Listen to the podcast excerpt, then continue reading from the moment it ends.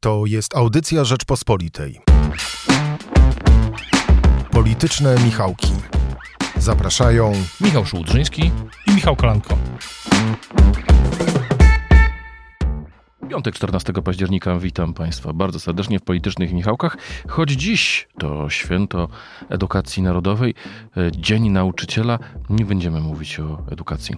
Porozmawiamy przede wszystkim o tym, co zamierza robić Solidarna Polska po tym, jak odniosła swój symboliczny sukces i doprowadziła do dymisji ministra do spraw europejskich Konrada Szymańskiego, a także o tym, jak układają się relacje pomiędzy premierem Mateuszem Morawieckim a jego zastępcą Jackiem Sasinem, bo z fazy gorącej wojny przeszliśmy do fazy gorącej miłości i wspólnych konferencji prasowych. Zapraszam.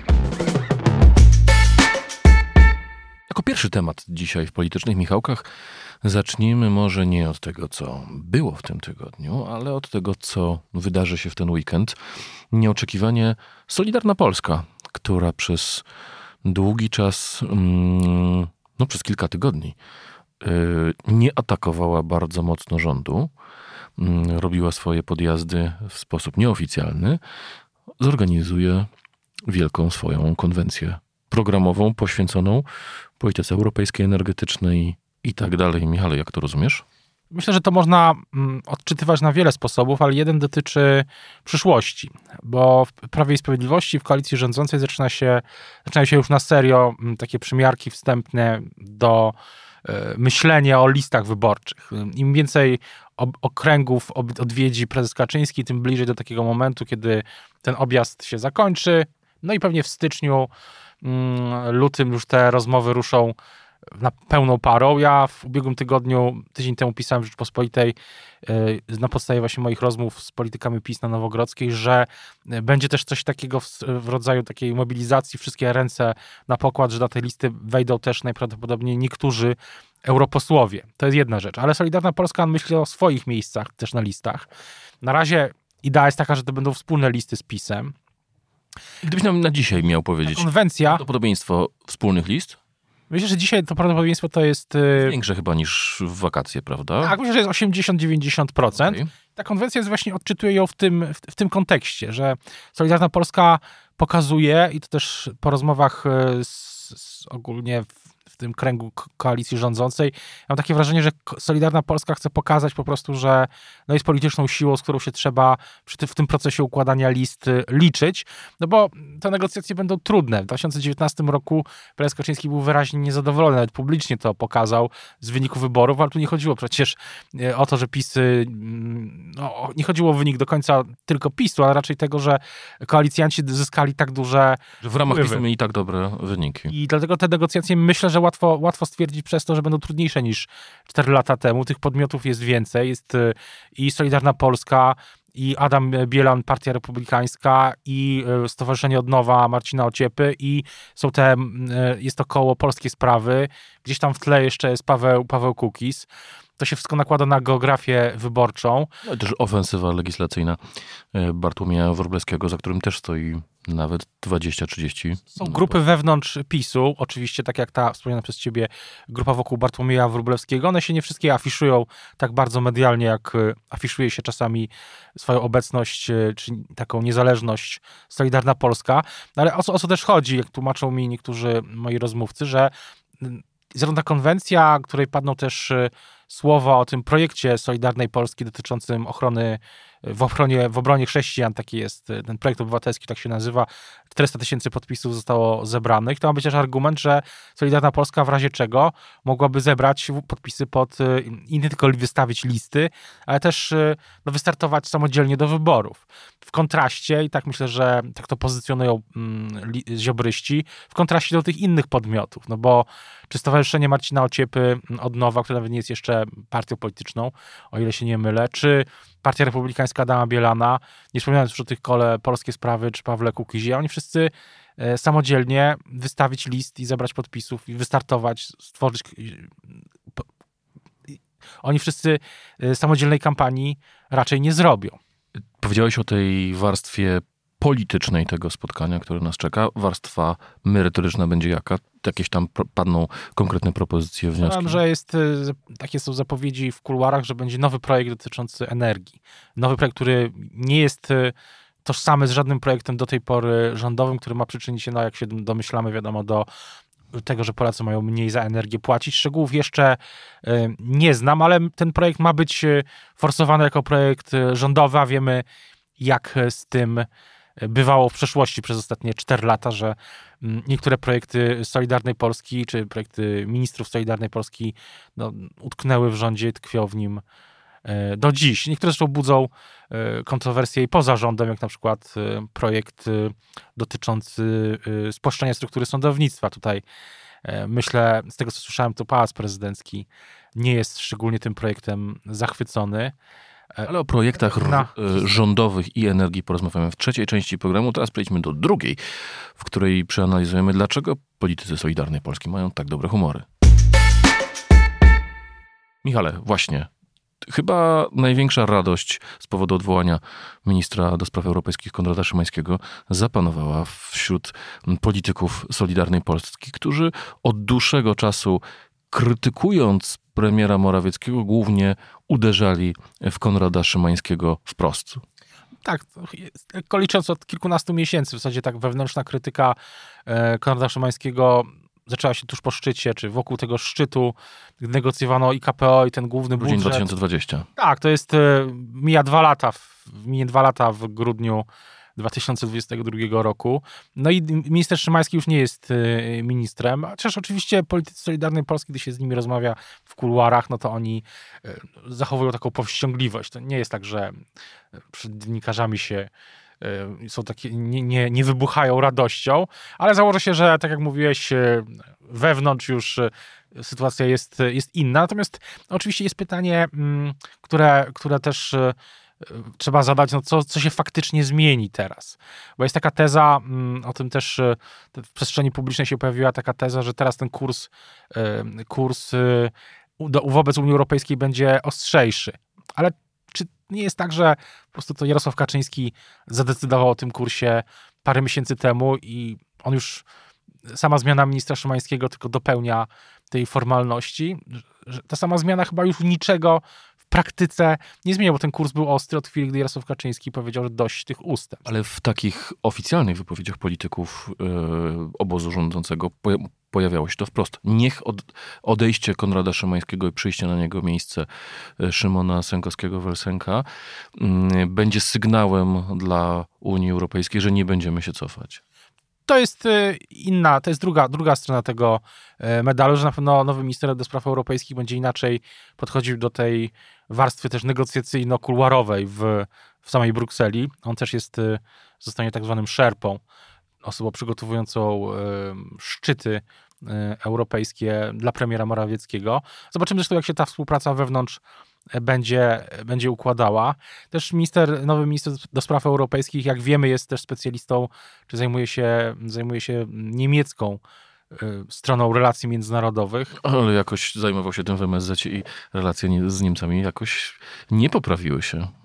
Ale też y, to prawda, natomiast y, jestem ciekaw po prostu, jak to będzie wyglądało w praktyce właśnie w Brukseli teraz. No bo to jest całkiem jasne, że mm, to ta specjalizacja też niesie określone y, konsekwencje również na tym forum, forum europejskim. Na pewno, na pewno mm, będzie też inny styl publicznych wypowiedzi. Minister Szymański miał swój charakterystyczny styl też publicznych wypowiedzi, no i minister nowy, jego, jego następca trochę e, będzie pewnie do tego inaczej podchodził, ale to chyba dzisiaj akurat jest najmniej ważne. Jeśli chodzi o zalety ministra Szynkowskiego-Welsenka, e, dobrze gra na fortepianie, potrafi usiąść, zagrać Chopina, zaimprowizować. Myślę, myślę, myślę, nie. Więcej jego zalet jako ministra do spraw europejskich nie widzę myślę, że możemy podsumować takim hasłem, ulubionym hasłem publicystów, pożyjemy, zobaczymy, ale jedno jest pewne, że ten zwrot, który dokonał Jarosław Kaczyński, którego zaordynował tak w tym słynnym już wywiadzie, później te wypowiedzi, koniec tego dobrego, ja mam poczucie, że, że on będzie też doktryną w przyszłym roku i że do wyborów w przyszłym roku, które są za rok, niewiele się E, niewiele się w praktyce zmieni, ale też nie mam takiego poczucia, żeby e, doszło do jakiegoś szczególnego, wielkiego zaostrzenia. Moim zdaniem PiS będzie e, wiele rzeczy robiło na forum E, międzynarodowym na potrzeby wewnętrzne, ale w praktyce w Brukseli może się niewiele zmienić, bo pamiętasz tą debatę po tym wywiadzie, że teraz będą jakieś e, gwałtowne, gwałtowne ruchy, weta i tak dalej. Moim zdaniem w praktyce wiele się nie zmieni, ale mogę się mylić. No właśnie, bo e, w tym wywiadzie Jarosław Kaczyński powiedział, że będą reakcje wobec działań Unii Europejskiej, aczkolwiek nie zawiesimy płacenia składek. To był pomysł Solidarnej Polski. No i jak słyszałem w korytarzach sejmowych, osobą, która przekonała Jarosława Kaczyńskiego, że e, zaprzestanie płacenia składki byłoby szalonym pomysłem, był właśnie Konrad Szymański.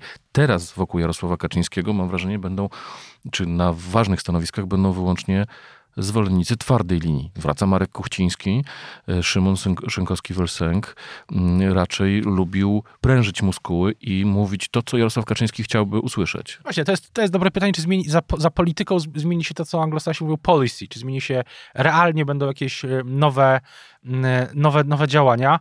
Natomiast na pewno, na pewno dla Prawa i Sprawiedliwości, dla nowego ministra i dla tej strategii też wyborczej, nazwijmy ją wprost, liczy się to, co będzie z tym dużym unijnym budżetem, z tym głównym unijnym budżetem. Bo teraz Viktor Orban, jak widzimy, trwa taka gra wokół tego zamrożenia, o którym też kiedyś rozmawialiśmy w politycznych Michałkach. Na pewno dla PiSu, gdyby dla PiSu e, zamrożenie KPO już jest moim zdaniem wkomponowane w strategię wyborczą do przyszłego roku, do, do października, ale e, cios w ten główny unijny budżet myślę, że mógłby być e, ryzykowny z punktu widzenia tej, tej strategii bo też e, tam nie ma kamieni milowych, zwróćmy uwagę, tam, są, tam jest ten mechanizm, który, którego negocjatorami byli premier Morawiecki i Konrad, Konrad Szymański, więc z punktu widzenia samego premiera Morawieckiego to w zasadzie już jest, będzie taka, e, byłaby taka no, dosyć, to, to się już robi, sytuacja zrobiłaby się naprawdę poważna. Michale, w trzeciej części chciałem cię zapytać o słynne słowa Poncjusza Piłata czymże jest prawda. E, w tym tygodniu usłyszeliśmy i od Jarosława Kaczyńskiego, i od Mateusza Morawieckiego, od Jacka Sasina, że to są najbliżsi przyjaciele, że nie ma żadnych konfliktów, że klaskali sobie wzajemnie, że jedli razem obiad e, czy kolację po ostatnim posiedzeniu PiSu. E, tymczasem wszystko, co dochodzi z Prawa i Sprawiedliwości, wszystkie przecieki, to była brutalna polityczna wojna między panami. Więc wrócę do pytania Piłata co jest prawdą. Cóż to jest prawdą? Polityce prawda to jest rzecz bardzo względna. Ja myślę, że prawdą jest to, co widzieliśmy też na ekranach w tym tygodniu. Była chyba była na pewno jedną, jedna konferencja wspólna e, premiera Morawieckiego z wicepremierem Sasinem dotycząca oczywiście węgla. Zauważmy dwie rzeczy. Po pierwsze, doszło w pewnym momencie do aktywizacji medialnej wicepremiera Sasina, kiedy on e, zaczął mówić o tym projekcie dotyczącym samorządów i węgla. Wcześniej w klubie PiS też były takie e, gorzkie uwagi, że kwestię węgla bierze na siebie ktoś inny, że komunikuje publicznie e, właśnie nie wicepremier Sasin, a inni ministrowie. No, te, te głosy, pisaliśmy o tym zresztą też Rzeczpospolitej, te głosy ewidentnie do wicepremiera Sasina dotarły. Druga, drugi etap to jest właśnie te wspólne konferencje z premierem Morawieckim. No z tego, co ja e, słyszę, no to jest taka sytuacja e, z, z gatunku tych, że dalszy w tym, na tym etapie, w tej chwili, w październiku, połowie października, kontynuacja takiego wyniszczającej tej wojny nikomu się już tam nie opłacała, ani jednej, ani drugiej stronie. Ten konflikt jest y, moim zdaniem dzisiaj, mm, przepraszam za to słowo, zamrożony i y, stąd też takie y, gesty, wspólne konferencje, żeby pokazać jedność, a cała reszta toczy się już zupełnie podskórnie. Też zwróćmy uwagę, że ucichły trochę, ucichły te też y, medialne przecieki, ta gra tymi mm, kontami na Twitterze, bardzo różne te wszystkie rzeczy, które były w grze w czasie tego, tej mm, gorącej fazy tego konfliktu, y, która zakończyła się tym klubem PiS, o którym wspomniałeś, gdzie właśnie były też brawa dla premiera Morawieckiego. Brawa, śpiewy, lampki Śpiewy, wszystko, wszystko, ale to teraz ten konflikt jest moim zdaniem zamrożony. Będzie więcej pewnie takich wyrazów, e, pokazów publicznej solidarności i współpracy między e, wicepremierem a premierem, co nie znaczy, że on nie wróci. Moim zdaniem te, logika tego wszystkiego jest taka, że skoro e, zawisła na ścianie ta strzelba w pod tytułem e, będzie próba odwołania premiera na wiosnę, albo na wiosnę trzeba będzie sprawdzić, co, co z premierem, to ona musi wybuchnąć. To jest nieuniknione. To jest e, samo, samo sprawdzająca się teraz przepowiednia, więc e, można łatwo przewidzieć, że moment jakiegoś przesilenia na wiosnę pewnie nastąpi. Losy e, tego obecnego układu są chyba też zależne nie tylko od węgla, nie tylko od tego, czy będzie ciepła zima, czy nie słyszałem prognozy, że, że będzie ciepła. To dla Prawa i Sprawiedliwości wybitnie genialna wiadomość, oczywiście dla wszystkich Polaków, e, dla nas wszystkich też. Ja nie lubię w ogóle zimy, nie wiem jak ty. A z zimą to, to różnie bywa. Michale, na koniec chciałem tylko zapytać, bo rozmawialiśmy tydzień temu. Jeszcze jeden czynnik. Trzeci czynnik, myślę, że sondaże. Jeśli będą podobne do tych dzisiaj, to ten kolejny pucz będzie pewnie skazany, będzie też na niepowodzenie. Chciałem Cię zapytać na końcu e, o to, o czym rozmawialiśmy w zeszłym tygodniu. Projekt włączenia samorządów w dystrybucję węgla. Wyglądało na to, że szykuje się konflikt, ale mam wrażenie, że samorządy troszeczkę zmieniły nastrój. E, prezydent Rafał Trzaskowski spotkał się z premierem Morawieckim.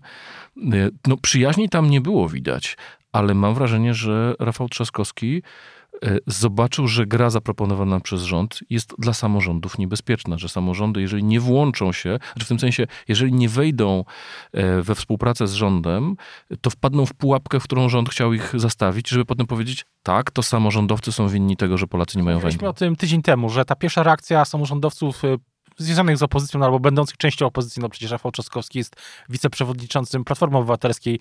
Mm, jest, y, pierwsza reakcja była taka trochę zbyt refleksyjna, moim zdaniem, taka jak odruch warunkowy, że jeśli kogoś y,